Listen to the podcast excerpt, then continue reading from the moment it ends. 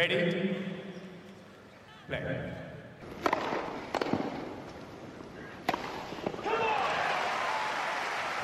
Merhabalar, Yemek Sepeti'nin sunduğu tenis podcastimiz Inside Out'un bu sefer keçi bölümüne hoş geldiniz. Ben Gökalp. Ben Anıl, merhaba. Ee, bugün keçi konseptli bölümümüzü kaydediyoruz. Çünkü e, majesteleri Roger Federer geçen hafta Dubai'de 100. şampiyonluğunu kazandı. Biz de dedik ki bu 100 şampiyonluğun anısına Anıl'la bize göre en iyi 10 Federer turnuvasını, 10 Federer şampiyonluğunu bir sıralayalım. Anıl heyecan var mı? Ya hani böyle şey Ferda Anıl Yarkın'ın bir şarkısı vardı. Anılar şimdi gözümde canlandılar diye. ya Federer hakikaten hani tabii ki tenisi Federer'den önce de takip etmeye, izlemeye başladım. Ama e, yani şimdi 2002 senesinden itibaren çok dominant bir şekilde tenis dünyasına girdi Federer. Ve hani çok çok fazla tenisle ilgili anımızın, hatıramızın içerisinde kendisi var ve dolayısıyla bu çok büyük ve anlamlı bir e, mihenk taşı onun için bence yani 100. ATP zaferi. Hani bu vesileyle biraz da şunu da söylemekte fayda var. Hani 100'e ulaştı ama Federer'de olmayan ender rekorlardan birisi bu. E, çünkü Federer 100 ATP turnuvasını kazanan tek kişi değil. 109 e, tane kazanan Jimmy Connors var değil mi Gökalp? Doğru mu hatırlıyorum?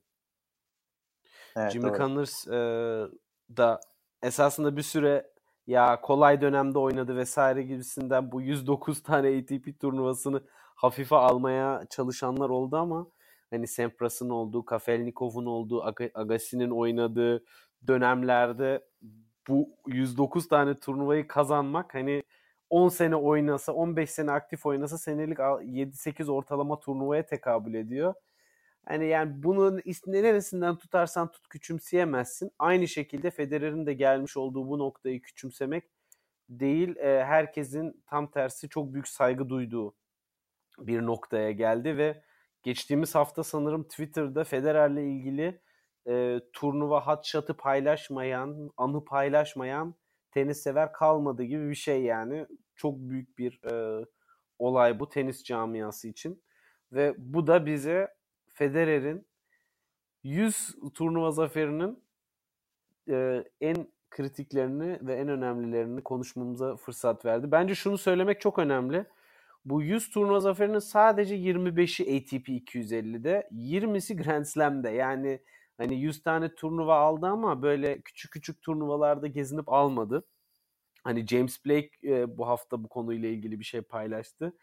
Dedi işte ya çocuğumla konuşuyorduk. O da dedi baba Federer 100 tane ATP almış. Sen kaç tane almışsın diye sor, aldın diye sorduğunda 10 cevabını verdim ve çocuğumun resmen gözünden düştüm. Federer çıtayı yükselttiği için kendisine teşekkür ediyorum tarzı bir e, tweet mesajı yolladı.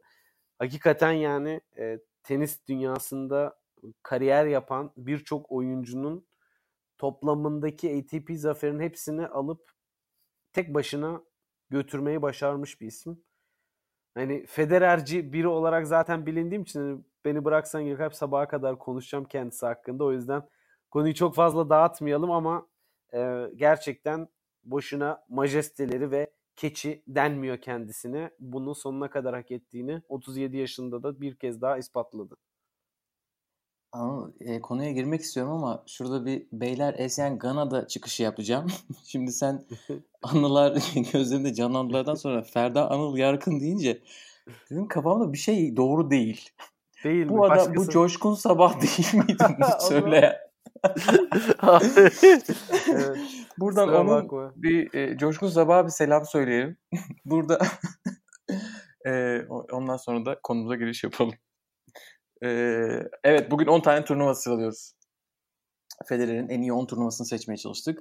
Federer'in yani bugünkü başarısına Anıl değindi. Onun için ben daha fazla üstünden geçmiyorum. E, sıra sıra gideceğiz. Ama Anıl'la önceden konuştuk e, kayıttan önce benim iki tane sıraya on, ilk ona sokamadığım turnuva var. E, soksam mı sokmasam diye. Başta onları söyleyelim sonra 10. sıralardan başlayalım. Hazır mısın? Var. İlki e, Amerika açık pardon e, şey 2008'deki olimpiyatlarda kazandığı çiftler madalyası. Bir o böyle girer mi girmez mi sonra son anda çıkardım. Bir de kazandığı ilk turnuva. Ben ilk turnuvayı e, tamam neyse şimdi çok da kendi sıralamamı sana açık etmeyeyim. Çünkü hani seyircilere bunu da söylemekte fayda var. Birbirimizden listelerimizi gizledik. Çünkü e, bu konuda sizler gibi bir tanesini buldum. Aynen beraber gidelim dedik. Tamam o zaman sıra, sıralamaya başlayalım. 10. sıra kime verdin? Hangi turnuvaya verdin? Gökalp. Onun ya bence gerçekten önemli. İnşallah kazandığı bir turnuvadır. Tabii. bence önemli bir turnuva ve hani güleceksin ama bir Hamburg turnuvası. İstanbul diyeceksin Yok sandım. hayır. Um, Hamburg uh, German Open 2002 Masters uh, zaferi. Hmm, Toprakta kazandığı ilginç. ilk turnuva ve bir Masters turnuvası olarak bence çok e, anlamlı bir turnuva. Gerçi İlk Masters zaferi ilk. Masters zaferi ve ilk toprak Masters zaferi. Yani ilk toprak ilk Masters zaferini toprakta aldı. 21 yaşında Alexander Zverev'in de ilk Masters'ını kazandığı yaşta aldı.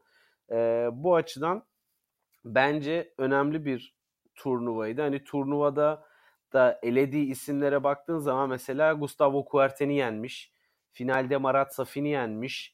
Ondan önce işte e, Max Mirny vesaire gibi isimleri yenmiş. Hani birçoğunun tabii ki bugün artık esamesi okunmuyor ama Federer'in emekli ettiği tenisçileri yazmaya kalksak zaten buradan hani Hamburg'dan Türkiye'ye yol olur diyeyim. e, o yüzden bence önemli bir turnuva zaferi. Ve başlangıç olarak daha Nadal ortada olmadığı için toprak fobisinin başlamadığı dönem. Hani o O benim açıdan listemde yok. güzel bir turnuvaydı. İyi, iyi seçim. Teşekkür ederim Gökalp. Beni Ha- Hamburg turnuvası seçmemden dolayı hor görüp kinayeli bir şekilde ezmeye Yok hayır. Bende de bir tane Hamburg turnuvası var. Aa, sen de Ya. Hamburg. Ya. Benim on numaramı dinle- dinlemek ister misin? Hayır. Kapatıyoruz programı. Dinliyorum Gökalp'cim. Senin on numaran hangisi? Lütfen. Benim on numaram Wimbledon 2012. Wimbledon 2012. Bu sende Evet. yani şimdi nasıl yapsak? Şöyle Be- be- be- ben de bende de var bu e, ama daha yukarı sende sıralarda. kaç numara? Ben de 6 Çok mu yukarıda? 6 numarada bende. 6 numara. Ben bunu 10'a koyabildim ama yani 6 da olurdu. Yok abi çok e, Sonra çılgın bir dengesizlik var sende bu konuda. yani e, şimdi öne koyduğum turnuvalar neyse onları sonra konuşuruz da ben bir şey yapayım. E, kısaca geçeyim. Senin 6 numarana geldiğinde sen de sebebini açıklarsın o zaman. Hı hı. Neden 6'ya koyduğunu. E, bu şey e, önemli bir turnuva. E, senede en az iki tane Grand Slam kazandığı zamanlardan bu 2004, 5, 6, 7, 8, 9'dan sonra birden Grand Slam musluğu kapanıyor. evet. İki buçuk sene boyunca hiçbir şey alamıyor. Ve e, ondan önceki iki Wimbledon'da birden çeyrek finalde eleniyor.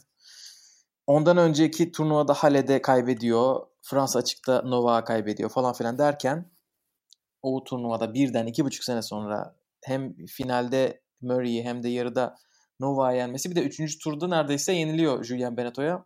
Ondan bunu listede 10. sıraya koydum. Wimbledon 2012. Ben niye peki 6. Diyorum. sıraya koydum? Benim için bu turnuvayı anlamlı kılan ne sence?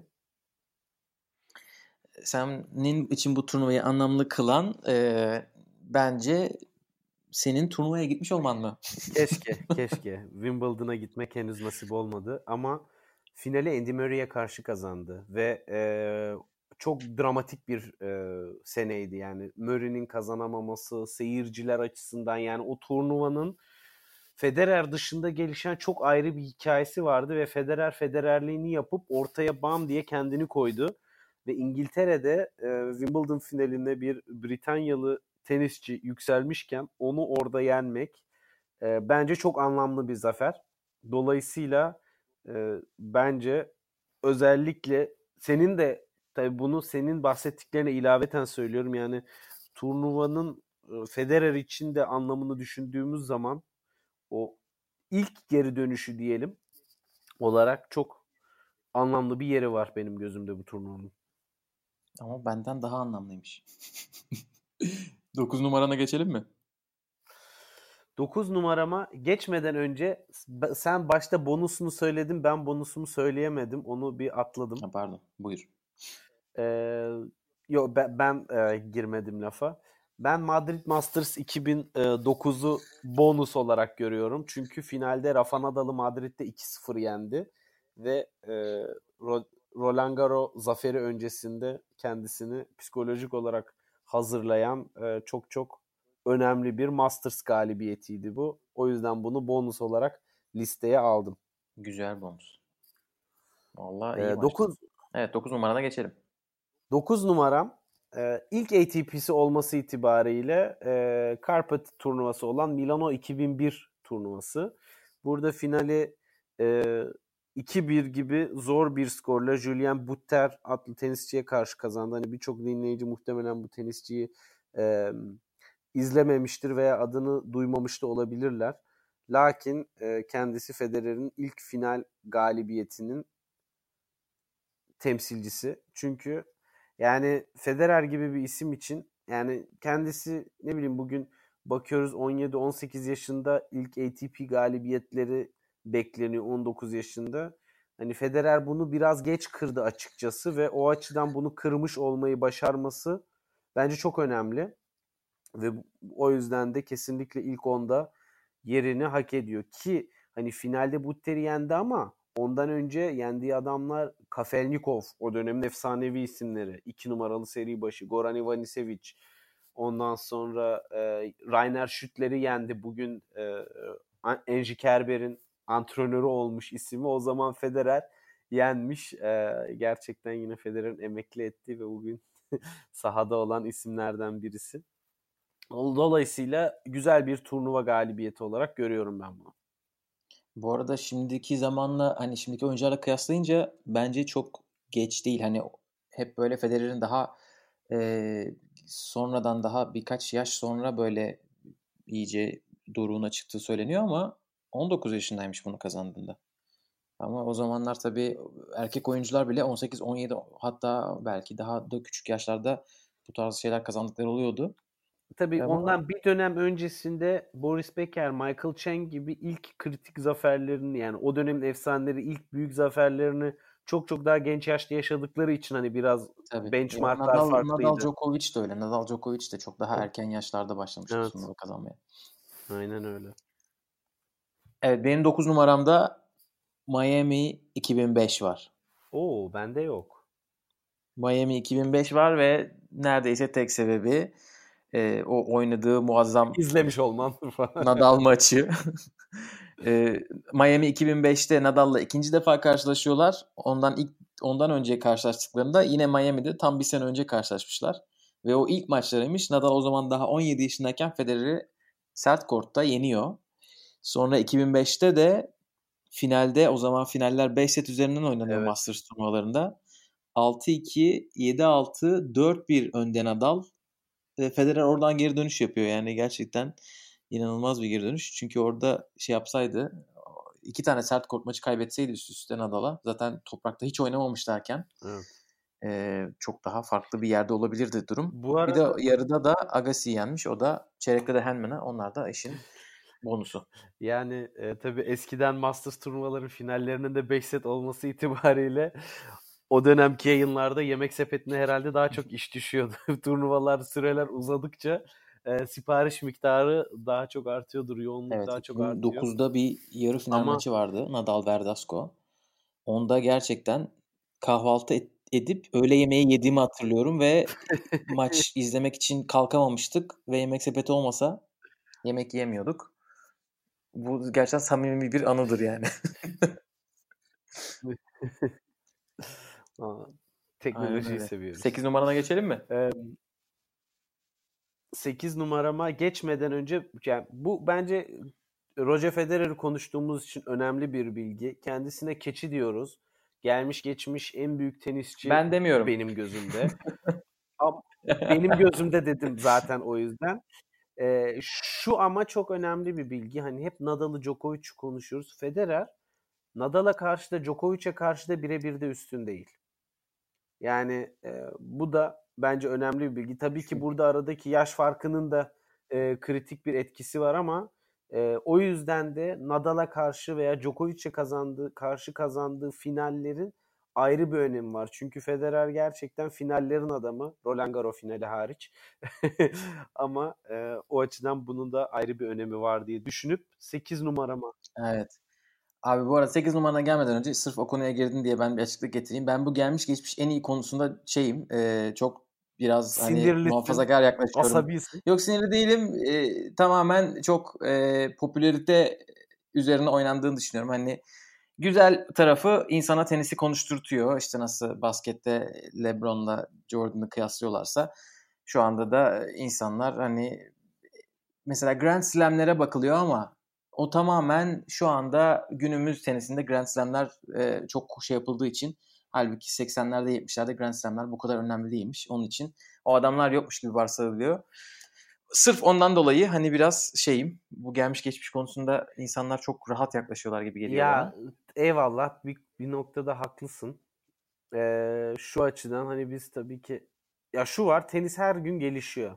Raket teknolojisi tabii ki son dönem yani tahta raketten alüminyum rakete geçişten sonra çok çok muazzam gelişmeler olmadı. Her sene yeni raket çıkarsalar da nedense zaten birçok tenisçi o oynadıklarını görünen raketlerle oynamıyorlar esasında. Sadece o, o boyası o şekilde yoksa 3-5 sene boyunca aynı raketlerle oynuyorlar.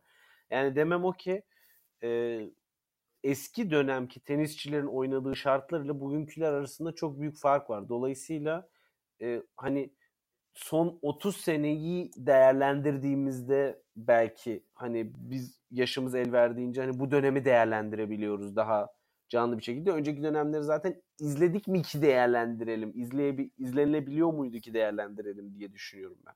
Evet. 8 numarana geçelim.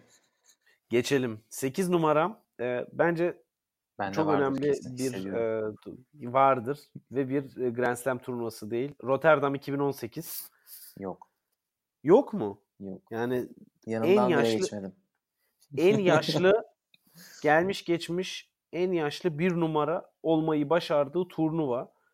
E, bu açıdan bence çok büyük manevi bir önemi var. Çünkü Federer e, 2017'de de açıklamasını yapmıştı. Hani bundan sonra benim hesabım ya anlamlı Grand Slam'leri kazanabilmek ama bir numaraya geri ulaşabilmek bir hayal. Onu başarabilirsem bu çok büyük bir başarı benim içindir dedi. Ve onun üzerine ekstradan hiç takviminde olmamasına rağmen Nadal'ın daha önceki turnuvadaki puan kaybından dolayı o şans doğduğu için birden Rotterdam'da oynamaya karar verdi ve e, o turnuvada da dönemin hiç formda olmayan ismi Grigor Dimitrov'un finale sürpriz bir şekilde yükselmesine rağmen finalde 6-2 6 gibi çok rahat bir skorla yendi. Evet. Ve Rofen'in tekrar gözüne top çarpmıştı da Dimitrov öyle kazanmıştı o maçı. Gerçekten. Bunu konuştuk. Onu, onu, yani her şey olabilir. Onu sanırım Kaan'la konuştun. Yani evet, aynen öyle. Ee, ya o yüzden bence çok anlamlı bir turnuva ve ben de listede 8 numaradaki yerini almaya hak kazandı. Güzel. Sen sen söyle bakalım. Benim 8 numaram Hopman Cup falan gibi gelecek gibi geliyor yani. duygusal duygusal bir 8 numaram var. O Bazel. Mendillerinizi hazırlayın. Bazel 2006. Evet. Tamam. Var mı sende? Yok hayır. Yanından bile geçmem. Benim laflarımı alıp bana satıyorsun ya. Hamburg 2002 Masters turnuvası dururken 2006 Bazel'i kim takar? Der, Şimdi der. Federer takar sevgili dinleyiciler diyerek Tabii. lafıma başlamak istiyorum. doğru doğru. Basel 2006'nın şöyle bir önemi var. Bu arkadaş biliyorsunuz Basel'de doğmuş, büyümüş. Orada bir an kendimi Tayfun Taylipoğlu gibi hissettim. İlk Orada ATP, ilk ATP turnuvasına wildcard'la Basel'de Hayır, daha oraya gelmedim. Daha oraya gelmedim. Ha. Top toplayıcılığını Heh. Basel turnuvasında yapmış. Orada büyük büyük insanlarla tanışmış örnek aldığı oyuncuları izlemiş ve bu oyuna gönül vermiş. Ondan Ma- sonra madem da... bu kadar geriden geliyorsun. Araya ben de anı sıkıştıracağım. Ya yani anı değil. 98'e geçtim. Nerede hangi araya sıkıştırmışsın? Federer bol boyluk yap yaptığı dönemden önce orada maç izlemek için bilet alıp satarak para biriktirip kendisine bilet parası çıkarıyormuş o turnuvada tenis izleyebilmek için. Yok artık. Ya ya Limonatacı çocuk. aynen ya. Vay anasını be. Bu ciddi mi ya? Teyit Org'a girelim mi? Teydor'da olmaz gibime geliyor. Yok bunu hakikaten bizzat kendisi anlatmıştı. Bu son Basel turnuvasını kazandığındaki şampiyonluk konuşmasında be. vardı. Keşke öyle başlasaydım. Baştan alalım. Hep sen mi bileceksin Ee, Roger'ı? Hızlanıyorum hemen biraz. 98'de Çok Wimbledon'da. Wimbledon'ı gençlerde kazandıktan sonra Basel'de e, davetiye veriyorlar. Federer'e ilk defa orada oynuyor. Agassi ilk turda kaybediyor. 99'da geliyor, kaybediyor. 2000'de 18 yaşındayken, pardon 19 yaşındayken final oynuyor, finalde kaybediyor. 2001'de yine geliyor, finalde kaybediyor. 2002'de artık formu düzelmeye başladı derken yarı finalde Nalbandian'a kaybediyor. 2003'te Grand Slam şampiyonu olarak geliyor Basel'e. Bu sefer Lubicic'e kaybediyor. Sonra 2004'te sakatlanıyor, gidemiyor. 2005'te gidemiyor derken 2006'da sonunda o turnuvayı kazanıyor ve benim omzumdan yük kalktı anlatırken. Sırf bunun için 8 numaraya Basel 2006'yı koydum. Yarı finalde de yeniliyormuş az kalsın. Son set 7-6 yenmiş. Olabilir yani. eee, Beğenmedi. Ya tabii ki onu Basel o Federer için duygusal olarak önemi çok yüksek. Hani o, o konuda sana kesinlikle katılıyorum. Ve Anıl tamam 7 numarana geçebilirsin. numarama geçelim. Benim 7 numaram Avustralya Açık 2018 20. Grand Slam zaferi. Onu hani efsaneleştiren bir rekor ve dolayısıyla bu listede kesinlikle kendine yer hak ediyor. Marin Cilic'e karşı kazandı ve hani o turnuva yani tabii ki herkesin şüphesi vardı. Geçen sene bir önceki seneki formunu tutturabilecek mi vesaire falan filan çünkü Nitto ATP Finals'ta oynamamıştı o sene. Ee, Goffen'e kaybetti yarı finalde. pardon o zaman. Pa- Nadal oynamamıştı. Çok özür dilerim karıştırıyorum. Bayağı bir çekilen olmuştu çünkü. Dimitrov'un kazandığı sene değil miydi değil mi? Tabii. Evet, aynen Zaten sene. ilk onun yarısından çoğu yoktu. Ee, o yüzden bence çok çok önemli bir zafer. Yani 20. Grand Slam başlı başına bir podcast'i hak eden bir e, mihenk taşı ve bir zafer.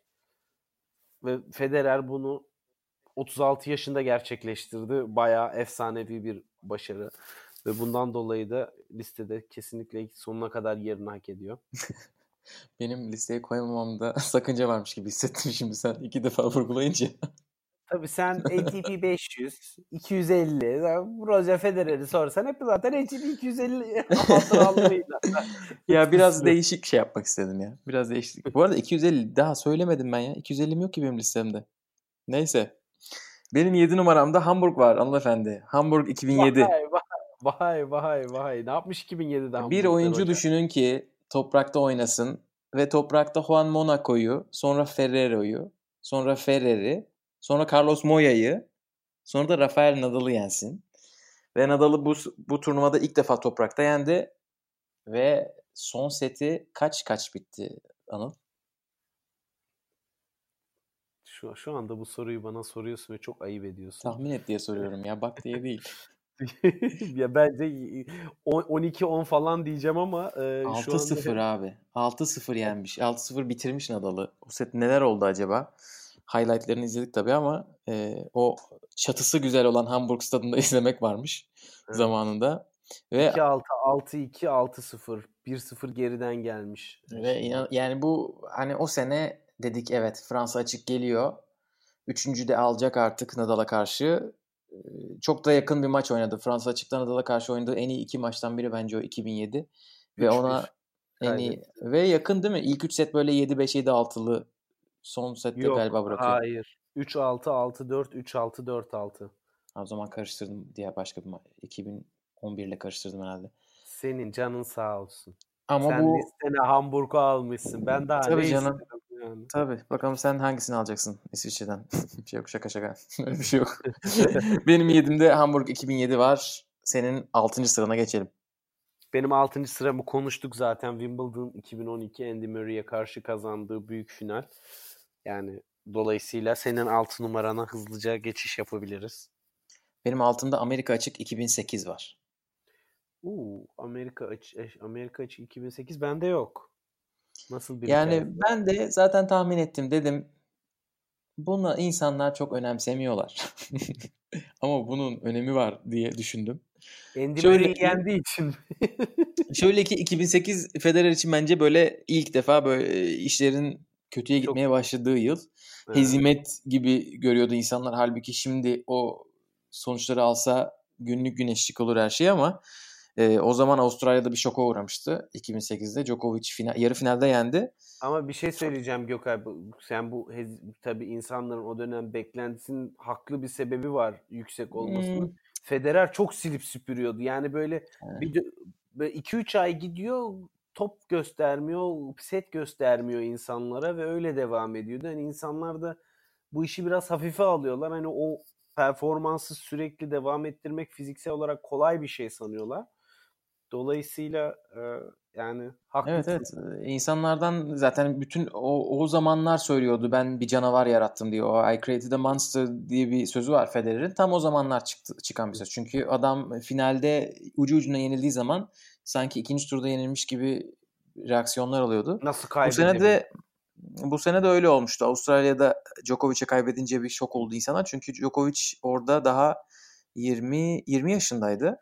Fransa'da Nadal'a artık bu sene kesin bir şeyler olacak. Çünkü o zaman toprakçı bir koç tuttu falan filan. Jose Igeras'la çalışıyor dedi. Finalde 4 oyun alabildi. Onun üstüne daha da çok yaralayan büyük ihtimalle o efsane Wimbledon finalini kaybetti. Master'larda yazın yok ortada. İki Master'da toplam bir maç kazanmış. Beijing'e gidiyor. Olimpiyatlarda da teklerde hiçbir şey yapamıyor. Ve o senesi bitti yani. O sene Federer artık yok diyorlardı. Adam yoktan var etti gerçekten. O aradaki Amerika açık zaferi. Çünkü sonra da mono geçirdi. E, O kış sezonu kötü geçti diye şey hep böyle söylendi sakatlıktan dolayı. Ama o 2008'deki Amerika açık bence hem o turnuva zaferi açısından iyi. E, Djokovic'le Murray'i yeniyor. Hem de bence 2009'u temelini atan bence biraz o Grand Slam zaferi. Onu ayakta tutan o oldu diye düşündüğüm için 6 numaraya koydum. Güzel düşünmüşsün. Bence de güzel galibiyetler ve zor maçlar e, geçerek oraya geldi. Hani yarı finalde de Djokovic'i yendi ki Djokovic'in henüz glutensiz makarna yemeye başlamadığı dönemlerde. o Evet abi de- o çok önemli. Onu onu gerçekten O- düşünüyorum böyle. o, o zaman dünya hala normaldi. Aynen o saçlarının her tar- her yöne uzadığı, makarna yediği zamanlardan. Çikolata falan yiyormuş o zamanlar çılgınlık. Tabii canım. Pizza makarna. Bab- Adam, babasının pizzacısı var. dükkanında. Evet. Ben 5 numarana geçelim. 5 numaramda yani Of ilk 5'e girdik. ilk 5'e girdik. Bence burada bir dıdıs tıs dıdıs deyip e, ara verelim. Yok hakikaten benim için Şöyle. rüya gibi bir turnuvaydı. Avustralya Açık 2017.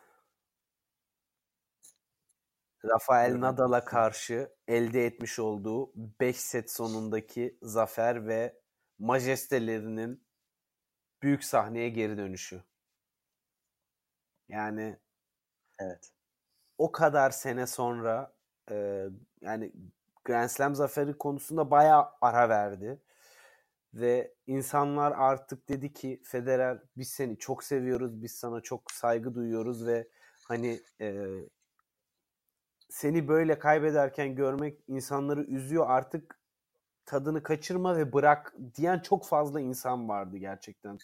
Dünya sıralamasında da öncesinde gerilere düşmüştü vesaire. Hani tabii ki sonra 5 numara, 6 numara, 7 numara, 8 numara geziniyor bir yerlerde. Hani normal bir tenisçi için çok üst düzey bir seviye ama biz Federer Federer'i hep o bir numara olarak görmeye alışkın olduğumuz için böyle hani bir aslan gibi kıyıda köşede e, ölümünü beklemesini istedik. Adam bir geri geldi. Bir backhand oynamaya başladı Rafael Nadal'a karşı. O senelerdir Nadal'a karşı şansını tutmamasının en büyük sebebi o backhand'ine karşı olan yaşadığı zafiyet. Ve Federer üçüncü sayfayı açtı diyelim. Hani 2012 ikinci sayfa ise 2017 gerçekten Federer'i apayrı bir yere koyan e, bir sene oldu. Bundan dolayı da 5 numarada. Evet. Ben eklemelerimi sıralamada koyduğum yere gelince söyleyeyim. Tamam. Kendi Sıralamada yarıda da söylemiyor. Benim 5 numaramda Avustralya açık 2007 var. 2007. Oo. bir- İlginç bir turnuva seçimi. Bir, Arada bir turnuva çünkü. Avustralya açık 2007 bence Federer'in en dominant Grand Slam performansı olabilir ve şey olarak da e, yani rakip profil olarak da inanılmaz bir turnuva oynadı bence. Set kaybetmediği tek sert court Grand Slam turnuvası biliyor musun? Bilmiyordum. Güzel bilgi. Ben de bilmiyordum. Baktım. Çünkü Amerika'da kazandığı 5 turnuva var. Avustralya'da 6 var. Bunlardan sadece bu 2007'deki set kaybetmeden kazanmış. Zaten biz o zaman konuşuyorduk. Yani o yarı finaldeki bir Andy Roddick maçı var. Ki Andy Roddick'in nasıl Avustralya açık Amerika açık oynadığını o zaman izleyenler hatırlarlar. Yani Çok iyi servis atıyordu. 220 kilometre hızla atıyor servisini ve %90 içeri düşüyor böyle. Zaten oraya Evet. gelene kadar çok Federer'e kadar saçma domine ederek gelmişti Roddick. Ben o seneyi az çok hatırlıyorum. Ve ondan 2003 sonra... Ha? 2003 falan mı diyorsun? Hayır 2007'yi diyorum ya. Yani rahat gelmişti Roddick diye o, o, o, o turnuvayı diyorsun. Evet ve e, sonra hani herkes çok çekişmeli bir maç bekliyordu. Federer bir anda Roddi'yi sağdan sildi. Sonra hani final böyle formalite oldu gibi bir şey esasında. Yani 6-4, 6-0, 6-2 Roddi'ye karşı alınacak. Yani bu inanılmaz. Zaten eğer izlemediyseniz çok tavsiye ediyorum. 2007 Avustralya açık Andy Roddick e, basın toplantısı ya da press conference yazın. Roddick'in o maç sonrası böyle yüz ifadesini izleyince zaten görüyorsunuz. İnanılmaz bir şey olmuş yani orada o gün. Tsitsipas'ın Nadal mağlubiyetinden sonraki yüz ifadesi gibi diyorsun. aynen o tarz bir şey. Ee, sonra Fernando Gonzalez'in o sene o zamanlar oynadığı en iyi zamanlarıydı ki Fernando Gonzalez için şöyle söyleyeyim hani çok ismi geçirmiyoruz artık emekli olmuş bir oyuncu olduğu için ama gelmiş geçmiş en iyi forehandlerden birine sahip olduğu söylenir. İnanılmaz sert forehand vuruyor ve o zaman çok formdaydı. Nadal'a o turnuvada toplam oynadıkları maçta 9 oyun verdi. 6-2, 6-4, 6-3 yenmişti. Sonra yarı finalde de Tommy Haas'a 5 oyun verdi. Yani o da alev alev gelmişti finale. Federer'i 5-4'te servis atıyordu Fernando Gonzalez. Artık Federer servis kaybedecek, set kaybedecek derken Federer oradan seti çevirdi. Maçı da aldı.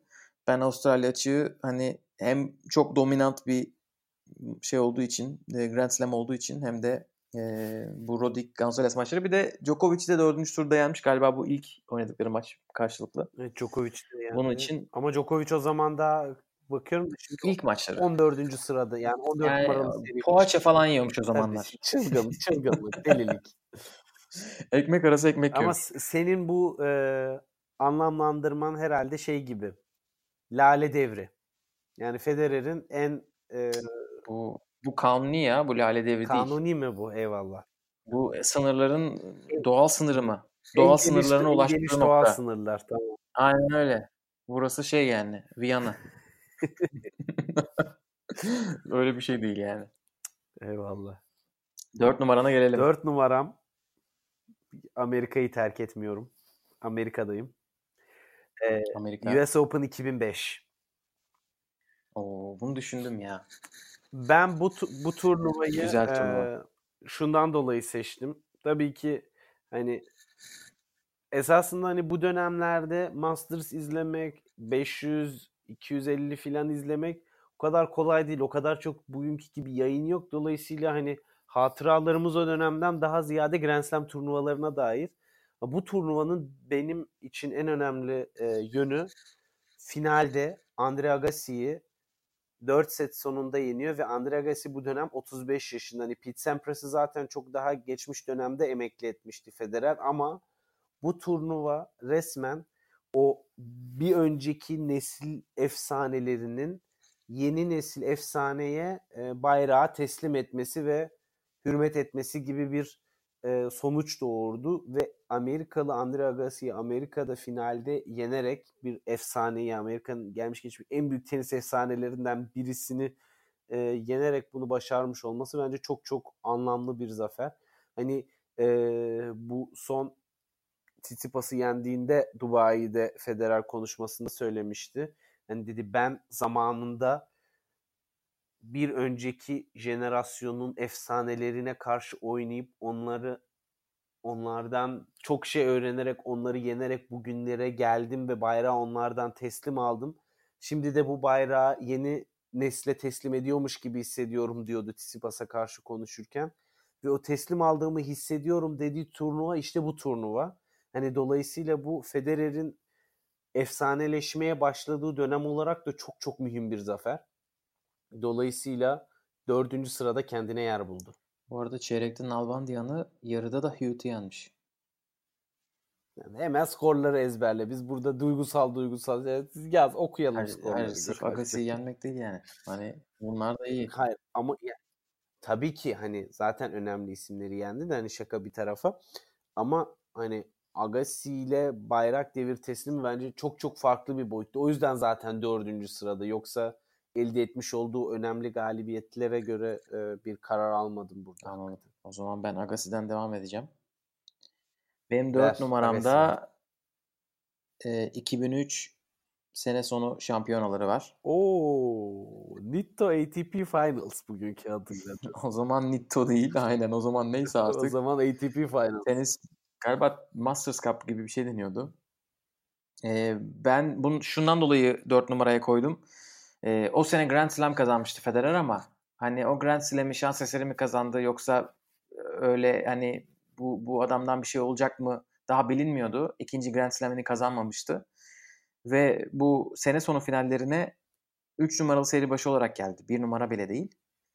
Ve burada maç kaybetmeden gruptan çıkıp şampiyon oldu ve Agassi'yi ki Agassi'nin 2003'te Avustralya açık şampiyonluğu var. Yani bir Grand Slam şampiyon daha o zaman. Bu turnuvada iki defa yendi. Hani ilkinde çok böyle zor. Son set tiebreak'te geçtikten sonra finalde 3-0-4'lük bir maçta geçiyor. Yine yarı finalde de Andy dünya bir numarasını o zaman daha Amerika açığı yeni kazanmıştı Andy. Onu 7-6-6-2 yeniyor. Bence burada ilk defa Federer hem kendisine hem de dünyaya şeyi gösteriyor. Ben hani bütün iyi adamları getirin hepsini bir haftada yenecek kapasite bende var diye. Burada gördük bence. Ben o zaman görmemiştim tabii de. Dünya orada gördü. Ondan dolayı 4 numaraya bunu koydum. Güzel bir tercih. Sene sonu şampiyonaları 2003. Güzel bir tercih olmuş. Ben hani bir e, faktörü devre dışı bırakmak için son 3 sıralamaya top 3'e girdiğimizde e, şunu söyleyeyim. Ben hiçbir sene sonu finalini çok da dikkate almadım açıkçası. Hani biliyorsun benim ATP finallerine karşı bakış açımı çok böyle hani ne kadar bu sene e, Zverev'in kazanmasıyla onun için çok önemli bir şey olsa da ben tenisçilerin oraya tam %100 formunda geldiğini düşünmediğim için biraz daha bu turnuva performanslarını sorgulayarak yaklaşıyorum. Onların bileceği evet. iş. Eyvallah ama hani ben o yüzden biraz ağırlığımı azaltıyorum ATP finalları değerlendirirken samimi konuşmak gerekirse. Öyle yapalım tamamdır. 3 numaraya geçelim. Çok kibarsın. yani lafın uzamasın diye şey yaptım. Evet. Ben katılıyorum sana. Sadece bence 2008-9'dan önce durum böyle değildi. Herkes çatır evet. çatır geliyor oynuyordu. Sonra ama herkes sapır sapır dökülmeye başladı. Dediğin gibi çok fazla sakatlık olmaya başladı. 3 ee, üç numarama geçiyorum o zaman Gökalp. Hazır mısın? Hazırmışsın anladım. Efekt yaptım. Eyvallah. US Open sene Arkadaşım ne Amerika yaptın ya. 2000 Abi iki tane ya. Fazla değil. iki tane totalde. Arka Geliyor. arkaya geldiği için. 2004. Bu evet.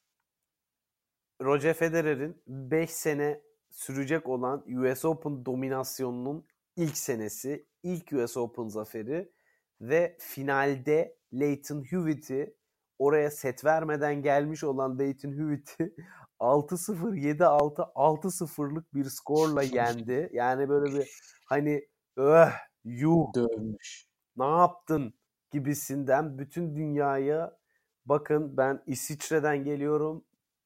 dünyaya efsane tenisçi olarak kendinizi hazırlarsanız iyi edersiniz mesajını böyle zıbam diye koydu ortaya bence o turnuvada. Ve yani sadece tabii ki Leighton Hewitt zaferi değil ama yani 2004 senesini hatırlıyor musun bilmiyorum. Grand Slam'lerin Eurosport'ta e, izliyordum o dönemde. Hani tüplü televizyonlardan Full HD olmadan ve herkes konuşuyordu. Leighton Hewitt bu sene muazzam oynuyor, şöyle yapıyor. Herkesi ezip geçti. Federer'in bile ona karşı şansı yok ne kadar iyi olsa da dedi ve böyle bir final çıktı karşımıza. İnanılmazdı ve hani benim için gerçekten duygusal olarak da bir anlamı var ve çok çok da büyük bir zafer. Dolayısıyla ben US Open 2004'ü biraz da nostaljik bir faktörle 3. sıraya koydum Gökalp. Bilmiyorum senin için bu turnuvanın anlam ve önemi o kadar evet ya, efsane efsane bir şey yani. Çünkü o sene 3 Grand Slam kazandı. Kimsenin hiç beklemediği bir anda. Yani düşünsene 3 Grand Slam kazanan ne zaman varmış acaba o zamandan önce bir, bir önce? Büyük ihtimalle 80'lere kadar yoktur diye düşünüyorum. 90'larda çünkü bir senede 3 slam kazanmak öyle çok görülen bir şey değildi. Hatırladığım kadarıyla. Bir numara 2004 adam çat diye yapıyor. Evet. İnanılmaz yani. Yani set kaybetmemiş adama set vermedi ya. Evet. 6 oyun vermiş 3 sette. Ayıp. Pardon 1 set. 1 set. evet. evet. Gelelim. Benim 3 numaramda gözlerde bir yaş, ellerde bir baget. Fransa açık 2009 zaferi var. Allah'ım. Göz ben bir saygı duruşunda bulunacağım. Bir dakika sonra görüşmek üzere. Gözyaşları sel. İsviçre marşı çalıyor şu anda. Söyle deseler okuyamazsın marşı. Sözü yok. Herkes farklı bir dil konuştuğu için. yani bu Fransa açığın hani önemini anlatmaya gerek yok. Yani evet. Yani zorlandı, zorlandı. Olmayacak dediler. Burada bence final maçını konuşmak yerine 2-3 tane şey var konuşulması gereken. Bir tanesi o dördüncü turda Tommy Haas'a karşı 2-0'dan geri gelişi. O Evet. Üçüncü sette 4-4 30-40'da o vurduğu forehand resmen adama her şeyi hayatını değiştirtti. Ve bir o maç bir de yarı finaldeki Del Potro maçı o Tommy Haas maçı yüzünden unutuluyor ama Del Potro'ya karşı da 2-1 gerideydi Federer. Oradan çevirdi maçı. Del Potro çatır çutur oynuyordu o, o gün. Ve de hani Nadal'ın dördüncü turda kaybetmiş olması bence çeyrek, yarı ve final maçlarını insanların düşündüğünden iki kat daha zorladı Federer'i. Yani üstüne Psikolojik baskı böyle. Ee, yol, çok büyük baskı. Yol bomboş hani artık alamazsan gibisinden ya öyle bir algı oluştu ki yani bu sene de alamıyorsan Allah seni bildiği gibi yapsın moduna geçildi. Evet. Evet ki Federer bence o sene finale böyle en zor geldiği senelerden birisiydi. Yani ilk tur maçı dışında bakıyorum herkesi set kaybetmiş. Jose Acosta mu dersiniz? Paul Henri Mathieu mu? Hepsine. Bakıyorum bir çeyrekte Monfils'e kaybetmemiş. Onun dışında finale kadar oynadığı 5 maçın 6 maçın 4'ünde kaybetmiş. Ama yani adam başardı. Helal olsun ya. O zaman e, konuşmaya başlamadan önce ben de iki numaramı açıklayayım. Sürpriz sürpriz Roland Garros 2009. evet. Güzel bir geçiş. Abi e, bu turnuva yani öyle böyle değil. Belki de Federer'in psikolojik olarak son 3 senedir, 4 sene, son 3 senedir toprak sezonunu es geçebilmesi için, e, Masters turnuvalarının ağırlığını art azaltması için vesaire stratejik olarak planlamalarını yapabilmesinin önündeki en büyük manevi ve psikolojik engeli aşmasını sağlayan turnuva oldu. Çünkü adam 3 kere üst üste buraya gelene kadar bir sene içerisinde 3 Grand Slam kazanıyor. Yani bu, bunu başarabilmiş başka tenisçi yok tenis tarihinde. 3 kere 3 Grand Slam zaferini aynı sene içerisinde yaşamak başka yok. Ve bunu yapmış adam 4 kere 4 kere mi kaybetti Roland Garros'da finale finalde? 3 kere mi? Öyle bir şey yani. Böyle 4 kere Nadal'a kaybetti, 3 kere finalde. Ve e, müzmin bir final mağlubiyeti serisi ve hani hakikaten şu var. Eğer ki Federer Roland Garros'u kazanamazsa efsane olarak addedilemez. Çünkü 4 Grand Slam'i kazanamamış bir insana efsane denemez diyen birçok insan vardı ortamda ve bu da tabii ki Federer'in üzerinde çok çok büyük bir baskı oluşturuyordu.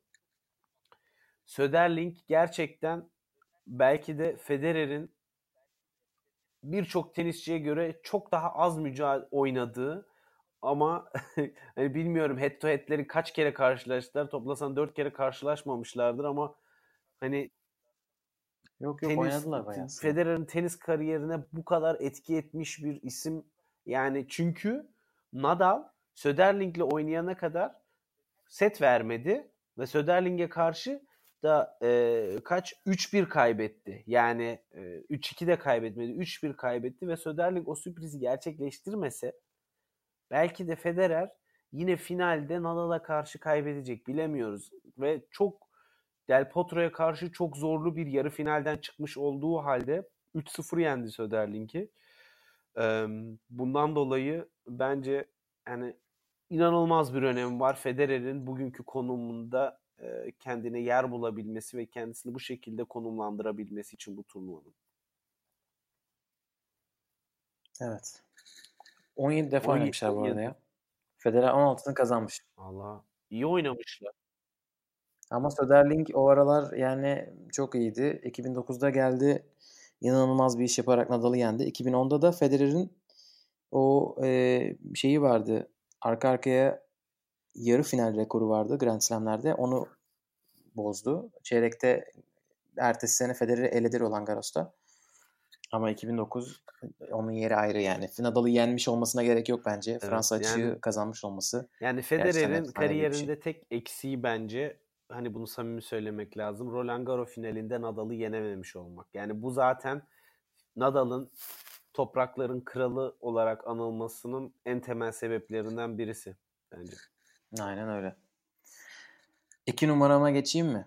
Sanki benim iki numaram senin bir numarammış gibi bir his var içimde. Olabilir, olabilir. Wimbledon 2003. Ya, ya, ya. Lan bir numaraya ne koydun? Bir numaraya ben Avustralya açık 2017'yi koydum. Ha, aa, evet doğru o kaldı geriye doğru.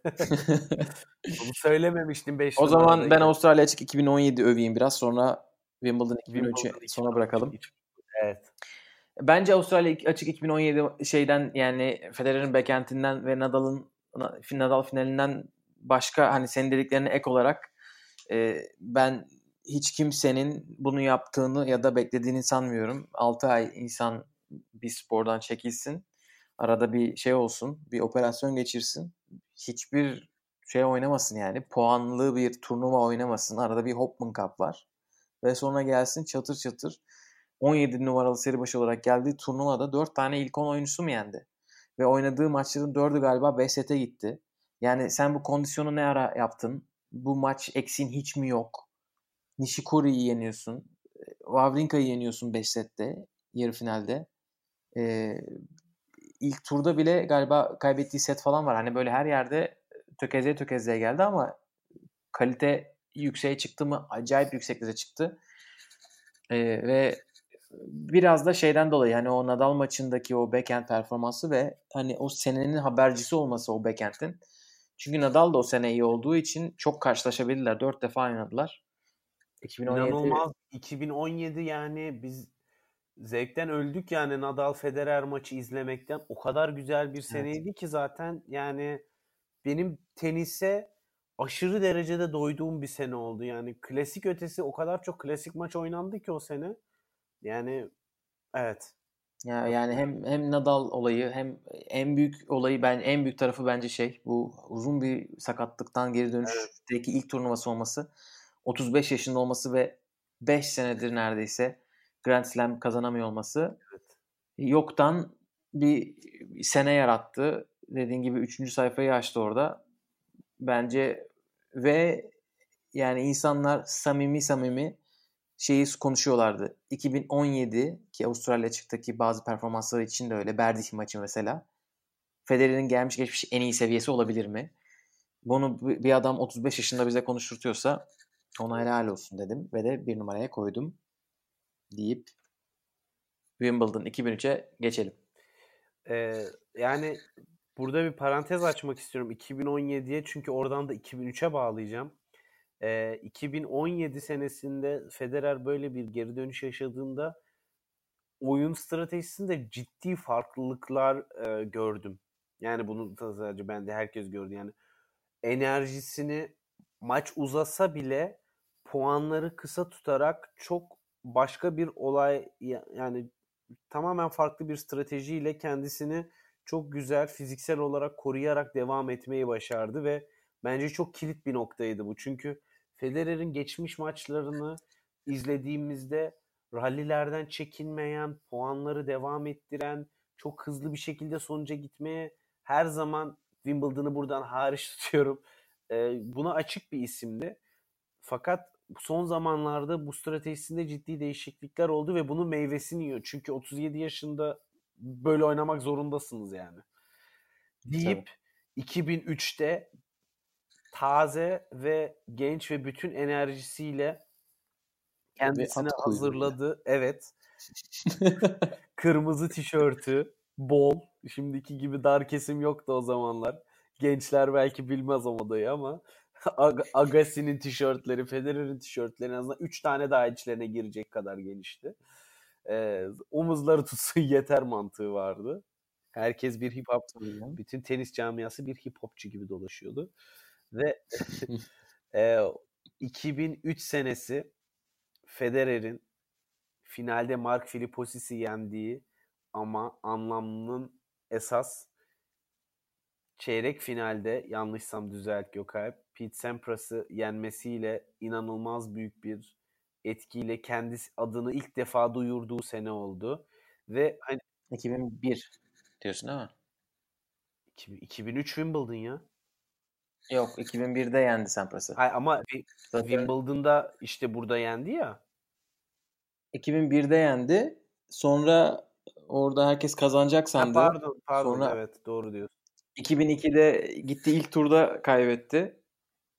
Sonra 2003'te turnuvayı kazandı. Bir ilk turda kaybettikten sonraki sene. Yani e, ya şunu da söylemekte fayda var. Hani bugünkü para ödüllerini konuşuyoruz. Hani çok fazla işte Avustralya açıkta en son 4.1 milyon Avustralya doları ödül veriliyor.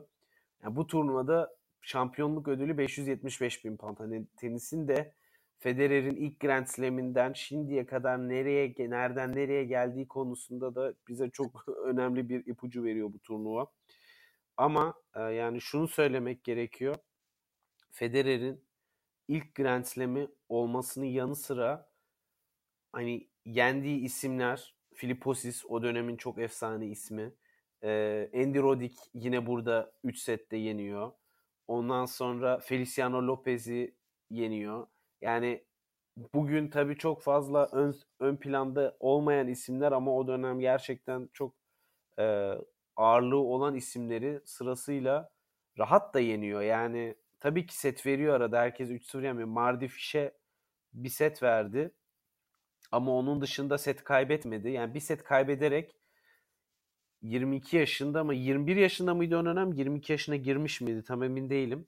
Don tarihin 21 Evet yani 21 yaşında evet. diyebiliyoruz hala. 21 yaşında ilk Grand Slam'ini kazandı ve e, bu açıdan inanılmaz büyük bir e, anlamı var bu turnuvanın. 4 numaralı seri başı olarak başladı bu turnuva. Yani bir numarada Leighton Hewitt ilk turda elendi. Agassi dördüncü turda elendi. 3 numara Juan Carlos Ferrero dördüncü turda elendi. Ve hani Federer oradan sonra sazı eline aldı ve bir daha hiç bırakmadı. Çok uzun süre domine etti tenis camiasını. Wimbledon'ı, US Open'ı, Avustralya açığı.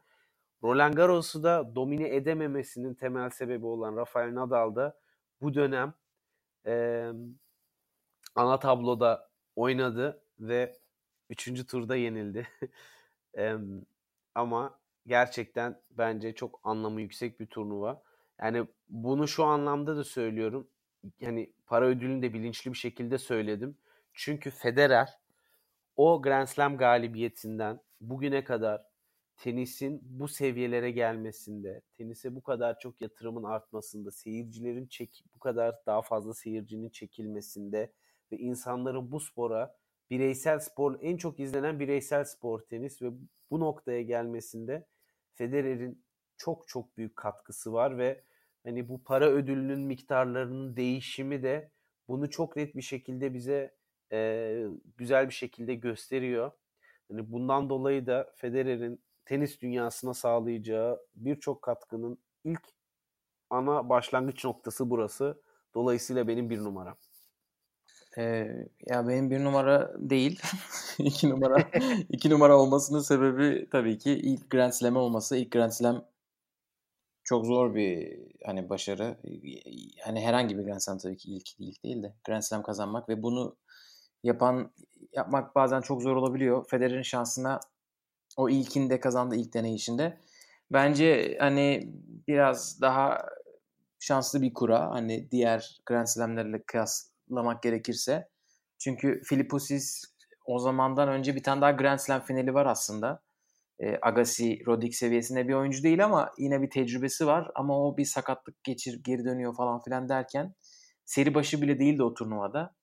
Yani bambaşka bir senaryo olabilirdi. Mesela o, o 2003 senesi biraz daha böyle Hewitt, işte Safin falan filan zorlayabilirdi. Federer onları onlarla karşılaşmadı ama e, bir, birincisi tabii ki ilk Grand Slam zafer olması. İkincisi de bu 2003 Federer'in hani eski okul hani old school tenisi en çok oynadığı son Grand Slam diyebiliriz.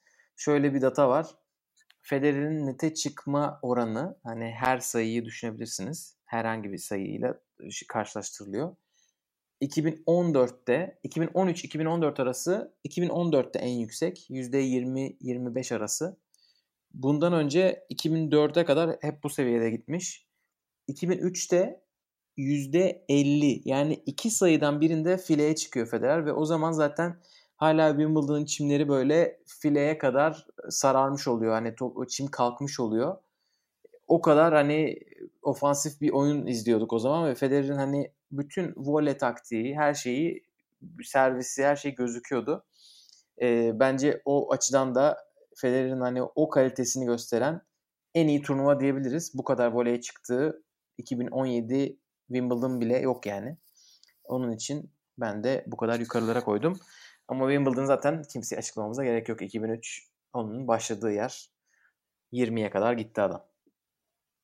Yani bence çok güzel bir bilgi paylaştın. Özellikle şu açıdan günümüz e, tenisçilerinde baseline tenisi çok daha popüler. Atak yerine savunmada karşı tarafı hatasını bekleme ve sabır üzerine kurulu bir oyun var. Hani e, cesur oyun dediğimiz, atak oyun dediğimiz oyun tarzı gitgide yerini uzun rallilere bırakıyor. Onunla çok bambaşka bir seyir zevki var ama tabii ki e, bu tarz oyuncuları da özlemiyor değiliz. Yani ama bilmiyorum yani Federer deyince 100 turnuva galibiyeti deyince gerçekten çok farklı e, düşüncelere geçiyor insan. Yani neler oldu neler bitti bu dönemde ve Federer hala Federer ve yukarılarda. Yine 4 numaraya çıkmayı başardı. Dubai zaferi sonrasında. Hani bu Indian Wells'te de umarım ona güzel bir e, avantaj sağlayacaktır ve başarılı olacaktır. Ama şunu dedi, bu sene veda turumda değilim. Toprak sezonuna geçişim böyle algılanmasın. Dolayısıyla biz inşallah 110. ATP turnuva zaferini de ona da buradan sözümüz olsun. Bir e, keçi yaparız. İnşallah başarır. Evet bu noktada bence kapatabiliriz e, bu özel keçi podcast olduğu için haftanın enlerini bu sefer yapmıyoruz ama normal Inside Out formatına döndüğümüzde önümüzdeki hafta onu da yapıp kapatacağız. Indian Wells oynanıyor. Zaten bundan önceki podcast'te turnuva şey ATP turun, WTA turun alev alev aldığı zamanlar yaklaştı demiştik. Bir sonraki podcast'te onları konuşacağız. Indian Wells değerlendireceğiz. Ama Federer'i konuştuk. Valla çok da güzel oldu. Bizlik bu kadar diyelim mi Anıl? Var mı ekleyeceğim bir şey?